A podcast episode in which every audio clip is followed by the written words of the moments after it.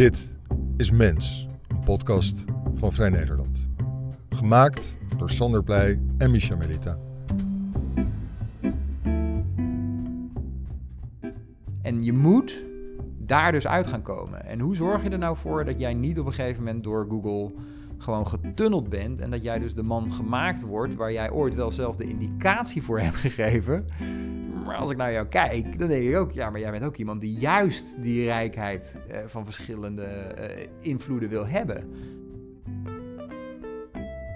Frank Wammes is onze eerste echte corporate gast.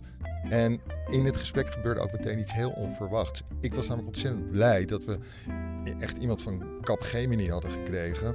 Een, een, toch echt een multinational op het gebied van consultancy. En uh, ze, ze, doen dus informatietechnologie.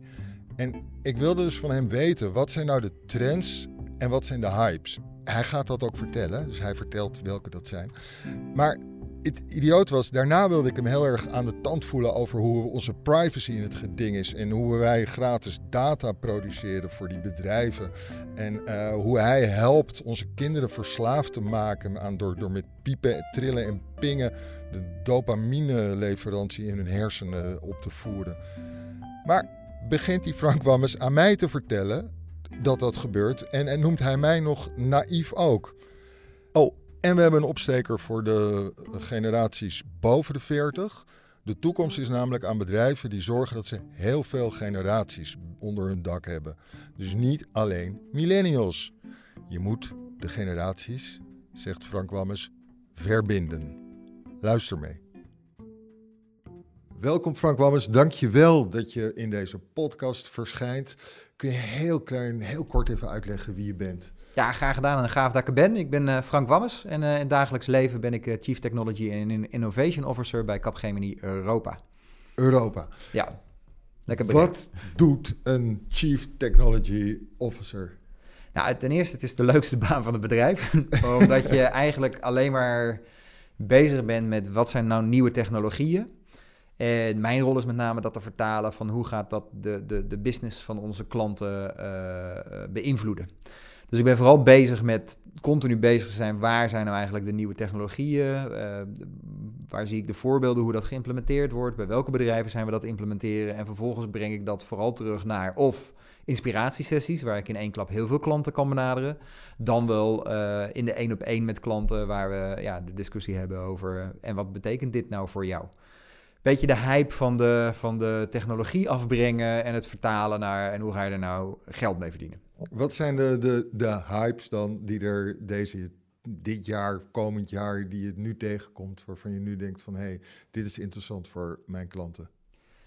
Ja, er zijn een paar, zijn een paar leuke trends, uh, waarvan de vraag is, zijn ze al hype stadium voorbij of weet je, zitten we in uh, wat Forrester zo mooi de, de throg of dissolution noemt. Ik denk dit jaar ben ik heel erg benieuwd hoe AI, uh, het komend jaar AI zich nu echt gaat ontwikkelen. We zien echt wel dat, dat de, de fase van het snuffelen voorbij is. En dat bedrijven daadwerkelijk de implementaties aan het invoeren of uh, aan het maken zijn uh, met concrete bedrijfstoepassingen. Blockchain blijf ik een hele fascinerende vinden, omdat ik de potentie nog steeds zo groot vind, maar de use cases nog steeds zo beperkt uh, blijken. We, kennen er wel een paar, maar dat blijft toch wat meer in de, in de, nou ja, de, de, de, de onderzoekende fase zitten. Ik zie virtual reality uh, en AR begint echt wel in, in, in productieomgevingen met name uh, echt grote grote uh, implementaties te krijgen. Ik weet dat wij bij Airbus bijvoorbeeld heel veel echt in de, in de fabrieken zelf doen, waarbij mensen zeg maar augmented reality brillen op hebben en dan eigenlijk direct gecorrigeerd worden wanneer in combinatie met AI, hey, je had drie schroeven moeten aandraaien. Ik zie maar dat je er twee hebt gedaan en dan blinkt automatisch al door hun bril van, hey, wacht eventjes, daar is een rode plek, want daar had eigenlijk een schroef moeten zitten klinkt heel klein en lullig, maar weet je, als ik een vliegtuig heb gebouwd en ik kom erachter, af achter dat dat schroefje gemist heeft, dan is die business case heel snel gemaakt. ik begrijp het, ik begrijp het. En voice wordt ook een grote trend op dit moment. Daarom is Alexa het meest succesvolle platform als het gaat over de rijkheid. Want in plaats van bij Siri heeft Apple gezegd, joh, je mag het wel hebben, maar ik bepaal wat voor diensten ik erop ga bouwen. En Alexa zei, eh, of eh, Amazon zei, joh, ik heb een fantastisch toolset. Hier is het. Bouw erop wat jullie maar willen. Alleen, dit is wel het platform. En in het platform heb ik wel veiligheidsregels ingebouwd. Zodat je moet er wel toestemming voor hebben, et cetera. Maar weet je, bedenk maar wat je wil. Nou, en ineens was Alexa stukken, stukken slimmer, had stukken veel meer services erop. Ja, en verkochten ze de 5 miljoen met kerst.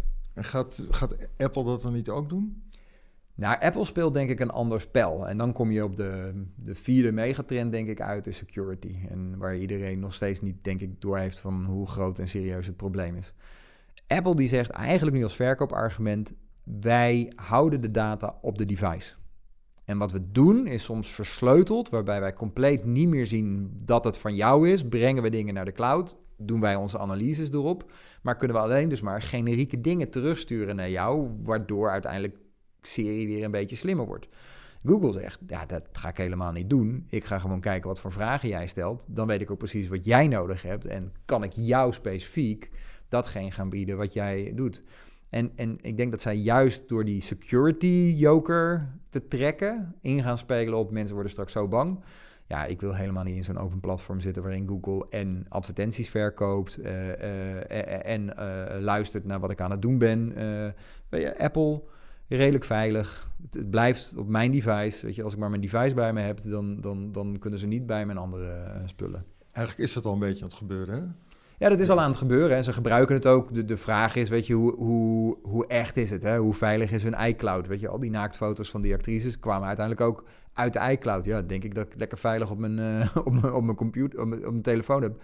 Maar eigenlijk beseffen we al als consument niet meer wat voor een data wij eigenlijk in de cloud hebben. En ik heb soms klanten ook nog wel eens hoor, die zeggen, ja, weet je, maar moeten wij naar de cloud? En dan zeg ik, nou, weet je, laat mij nou eens even één dagje rondlopen bij jou op kantoor met je medewerkers spreken. En dan ga ik vertellen hoeveel zakelijke activiteiten op dit moment al plaatsvinden in de cloud waar jij nog helemaal geen beeld bij hebt. Ja, ja. ja. maar eigenlijk is dat, dan kom je ook bij het verschil tussen zoals eh, al die foto's die bij, uit de iCloud werden gehaald, mhm. dan heb ik nog het gevoel van ja, dat waren die mensen die waren te, dom om een goed paswoord uh, te vinden. Maar als ik zelf een goed paswoord vind, dan kan ik dat wel doen. Dus ik heb een paswoordmanager en die zorgt dat ik dat allemaal heel erg goed doe. Uh, Alleen mijn probleem is altijd, als je het een ander bedrijf dan Apple toe uh, aangeeft. Dus als ik bij mijn verzekering uh, al mijn spullen moet uh, invoeren, dan ik vertrouw mijn verzekering niet dat die het goed kunnen bewaren. Ja.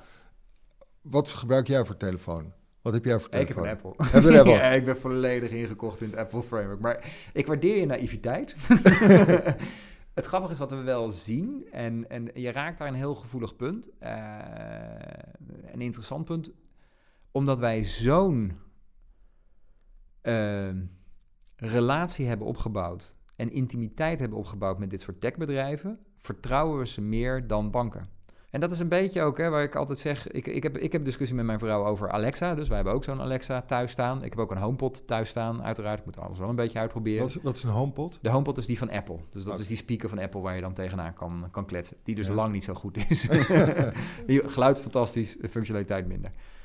Die Alexa mag bij ons niet in huis. Gewoon niet in huis. Waarom? Omdat mijn vrouw, die leest ook af en toe van die artikelen. En die leest dus gewoon, ja, weet je... Amazon luistert dus altijd mee. Altijd, want hij is, ze, is, ze is altijd aan. Maar elke vraag die ik stel, wordt ook opgeslagen in de AWS-server.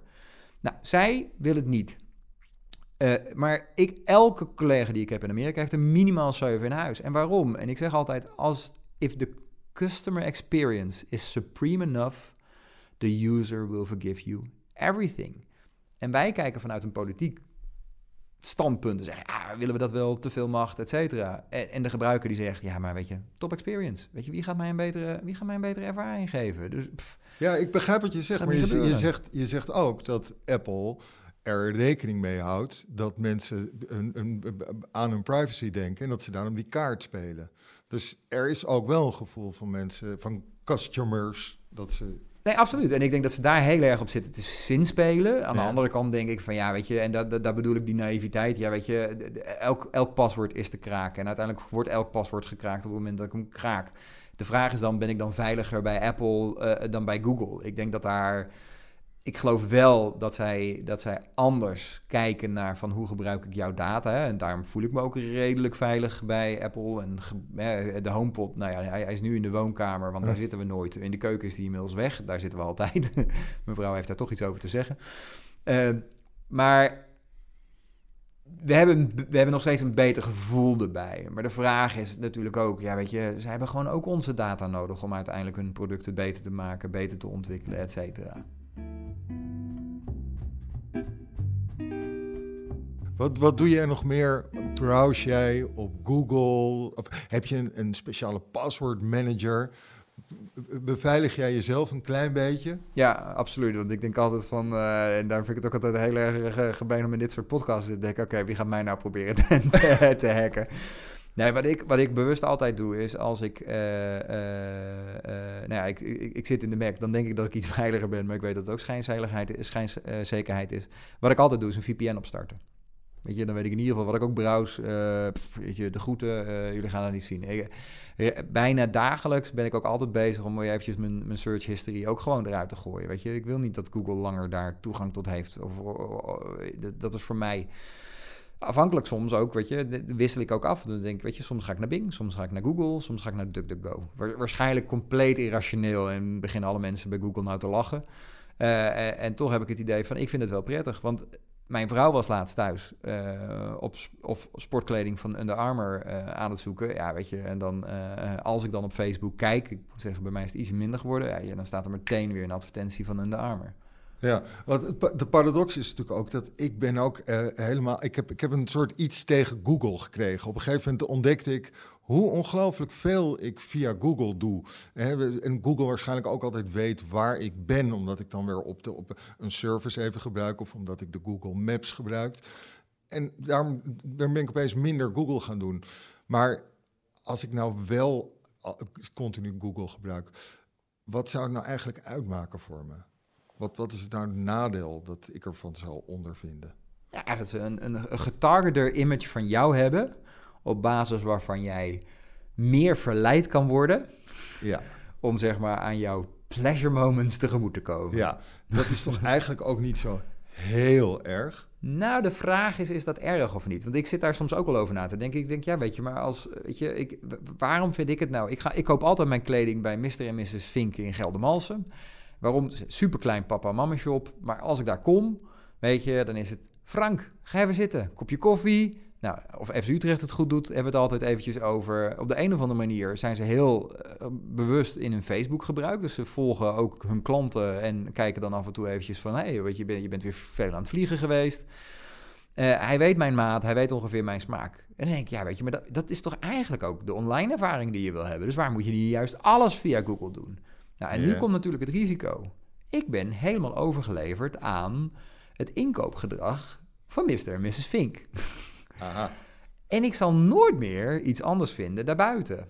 Nou ja, ik weet niet of het dus slecht voor me is. Nou, en dan kom je een beetje op, douw je jezelf niet te veel in een tunnel. En uh, nou, ik zeg altijd, uh, ook tijdens keynotes, als het gaat over hè, hoe zorg je ervoor dat, dat waarde toevoeging komt. is een fantastisch boek, Social Physics, uh, Kevin Pendon.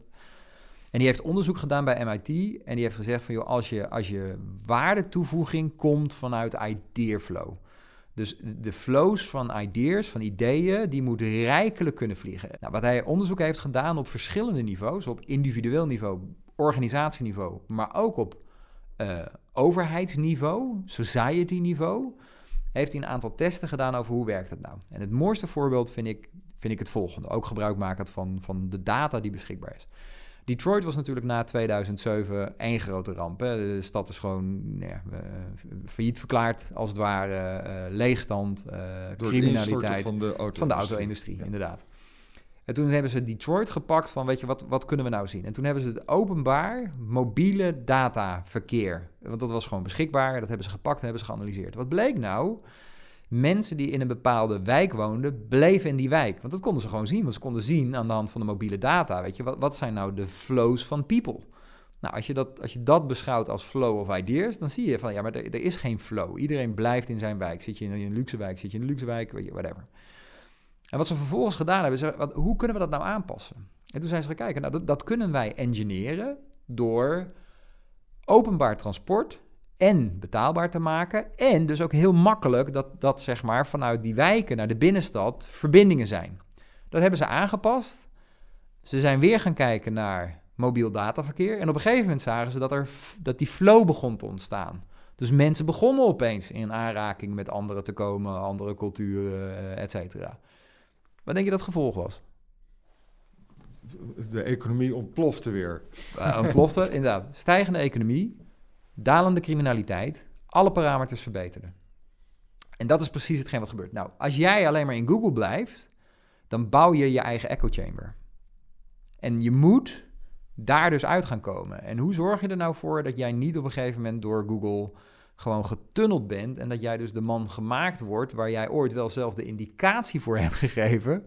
Maar als ik naar jou kijk, dan denk ik ook, ja, maar jij bent ook iemand die juist die rijkheid eh, van verschillende eh, invloeden wil hebben. Ja, als je dat niet hebt, ja, weet je. En ik denk, maar dat is een boute uitspraak. Als je gaat kijken naar het populisme en de, en en de, eh, de, de, de toenemende invloed van populisme, ook in Nederland, maar ook in andere, heeft dat daar een hele grote oorzaak in. Omdat het verhaal van Google natuurlijk ook geldt voor YouTube, Netflix, Facebook, allemaal bubbels. Whatever, ja. En, ik, en ik, als, ik, als ik in het buitenland ben, dan, dan gebruik ik, ik mag het bijna niet zeggen, maar dan gebruik ik een app van een bepaalde krant, omdat ik het gewoon heel makkelijk te consumeren vind. Maar ik heb altijd twee, in mijn ogen, kwaliteitskranten. Uh, waarvan ik altijd de weekend en de weekendbijlage heb. Omdat ik dan echt, weet je, de achtergronden wil hebben, et cetera. Dus ik, ik maak bewust keuze tussen, oh ja, ik wil even snel consumeren. Maar ik moet echt mijn diepgang ergens anders van de haan halen. Om wel zorg te dragen dat mijn wereldbeeld groot blijft.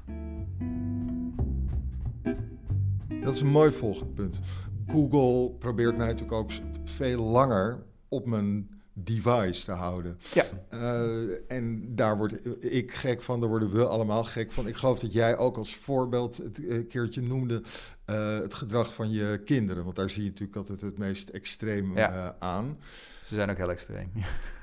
Allemaal zijn extreem. Ze zijn, extreem. Ze, zijn de, de, de, ze zijn pas extreem als ze het niet gebruiken. Ja. Ze zijn, maar uh, dat baart je ook zorgen. De hoeveelheid tijd die wij doorbrengen en die onze kinderen doorbrengen op telefoon of ja. laptop. Ja? En, en, niet alleen mijn kinderen. Hè. Kijk, wat je ziet is de. En dat weten we ook, hè. Gewoon, weet je, elke keer wanneer ik een berichtje binnenkrijg en ik open hem, weet je, wordt er een stukje dopamine gereleased in, in mijn hersenen. Dus weet je, paadje, weet je, ik krijg weer, ik krijg weer een beloning voor een stukje gedrag wat ik krijg. En dat is precies waarin met name jeugd en ik denk meisjes in het bijzonder in hun puberteit ontzettend veel last van hebben. En ik merk het ook bij mijn dochter. Gelukkig, weet je, ze legt me nu weg als we gaan eten. En dan blijft ze ook weg. Maar die, die heeft op een gegeven moment, weet je, alles moest gewoon gelijk worden. Het beeld is een beetje dat bij meisjes het iets, in de jeugd iets meer het sociale is. En bij jongetjes iets meer het uh, spelletjes doen, hè? Ja, die zijn gewoon spellen lekker aan doen, weet je. Je moet kunnen computeren, et cetera. En wel interactie hebben met elkaar via het spelen. Die, die communiceren ook heel anders, hè. En ik zie die evolutie bij mijn zoon. Die, weet je, eerst was het Minecraften. En ondertussen op Discord de connectie hebben met elkaar. Nou ja, toen werd het uh, Fortnite en via Discord connectie met elkaar. Het grappige is, nu, nu zitten ze gewoon te Discorden. Ja. En dan gaat het eigenlijk niet meer... is... Ja, het is Skype voor gamers. Als het gaat over mijn dochter, die zei van... Ja, pap, maar weet je, jij, jij vindt dat ik niet sociaal ben... Maar weet je, als ik hier met kerst diner aan jou zit... dan ben ik met al jullie twaalf aan de tafel aan het connecten. Maar heb ik ook nog 45 vriendinnen met wie ik aan het connecten is. Wie is hier het meest sociaal? Nou, ja. dus, het is wel een leuk om erover na te denken. Maar wat ik wel merk is, doordat ze continu nu toegeven aan die, die kortstondige geluksbelevenis en dopamine, ja. is er geen tijd meer voor vertraagde tijd. En ik merk het zelf ook. Weet je, op het moment wat ik bewust heb gedaan, is ik gezegd: ik moet één boek elke twee weken uitgelezen hebben. Punt. En waarom? Omdat ik, omdat ik merk dat als ik dat niet doe, kan ik niet eens meer lange artikelen lezen. Hoe werkt dit bij jongeren? Hoe, hoe hoe zorgen we dat jongeren minder achter het scherm zitten? Nou ja, en nogmaals, hè, of het achter het scherm zitten het probleem is, nou ja, ik denk, nou in ieder geval voor je ogen wel. ik denk dat we dat wel uh, gestablished hebben, maar het is vooral, wat doe je dan?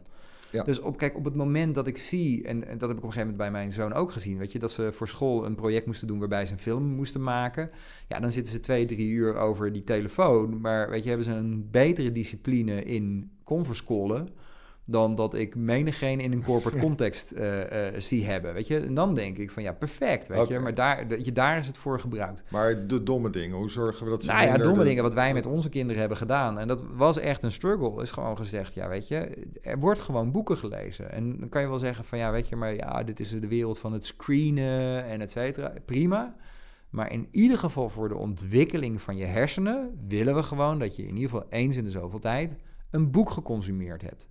En inderdaad, net wat je zegt, op papier. Al is het alleen maar dat je dat gevoel hebt.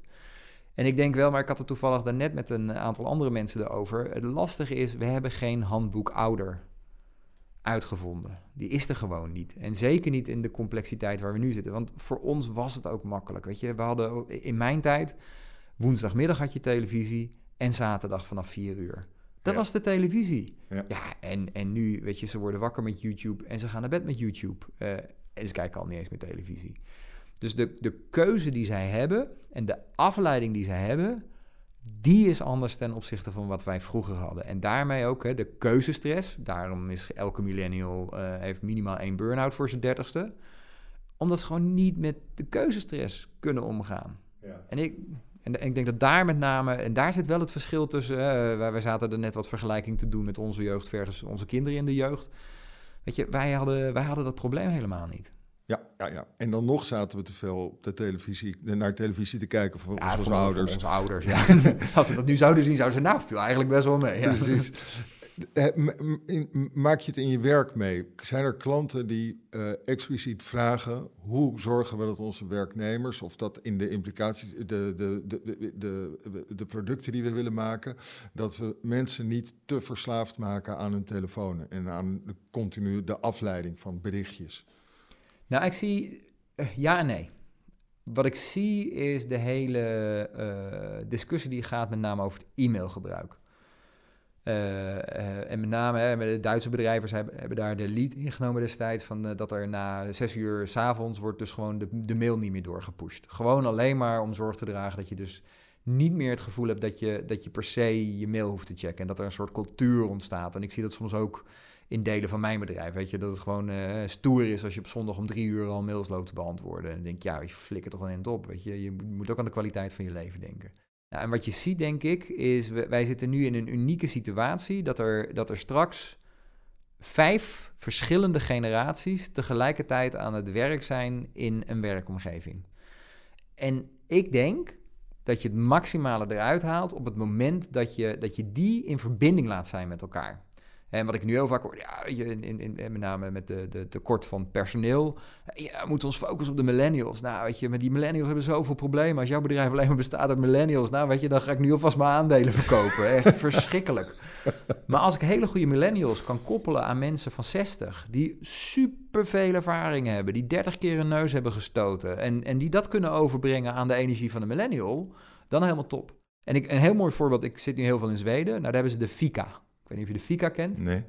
Nou, die moeten we hier ook gaan doen. De Fika is, het, het, het, is een heel simpel fenomeen. Is dat eens of twee keer in de week betaalt de, het bedrijf een kaneelbroodje met koffie. Die wordt dan ook neergezet. Maar dan, dan word je dus ook geacht om daar te komen.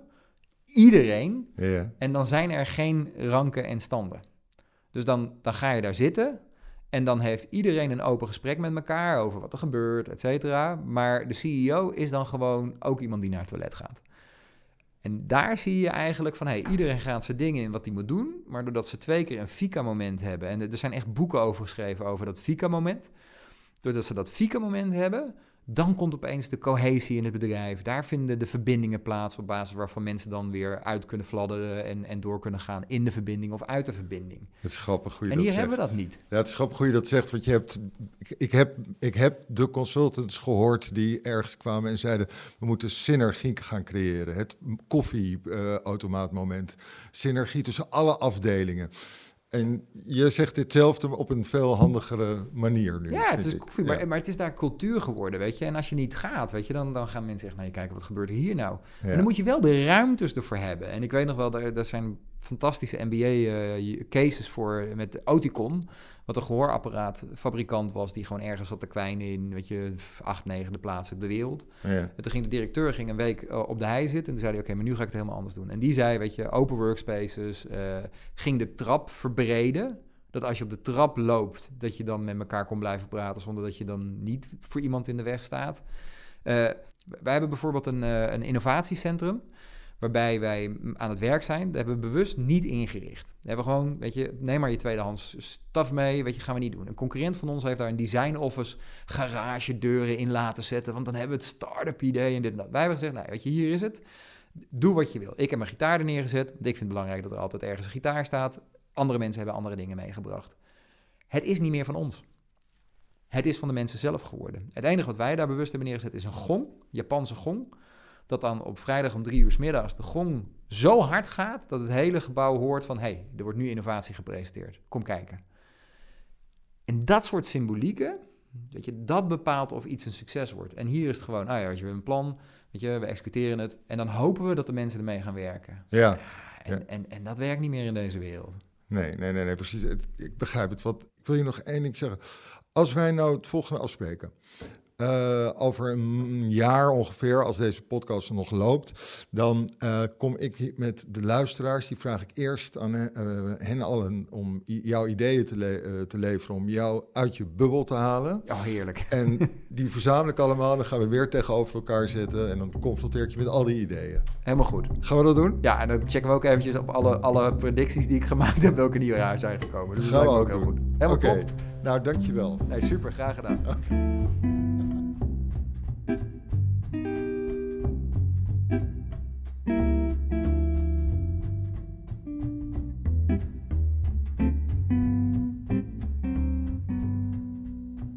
Je luisterde naar Mens, een podcast van Vrij Nederland. Als je hebt geabonneerd, vind je de volgende aflevering als vanzelf in je favoriete podcast-app. Je kunt ook kijken op vm.nl/slash mens voor de nieuwste aflevering. Mens wordt gemaakt door Sander Pleij en Micha Melita.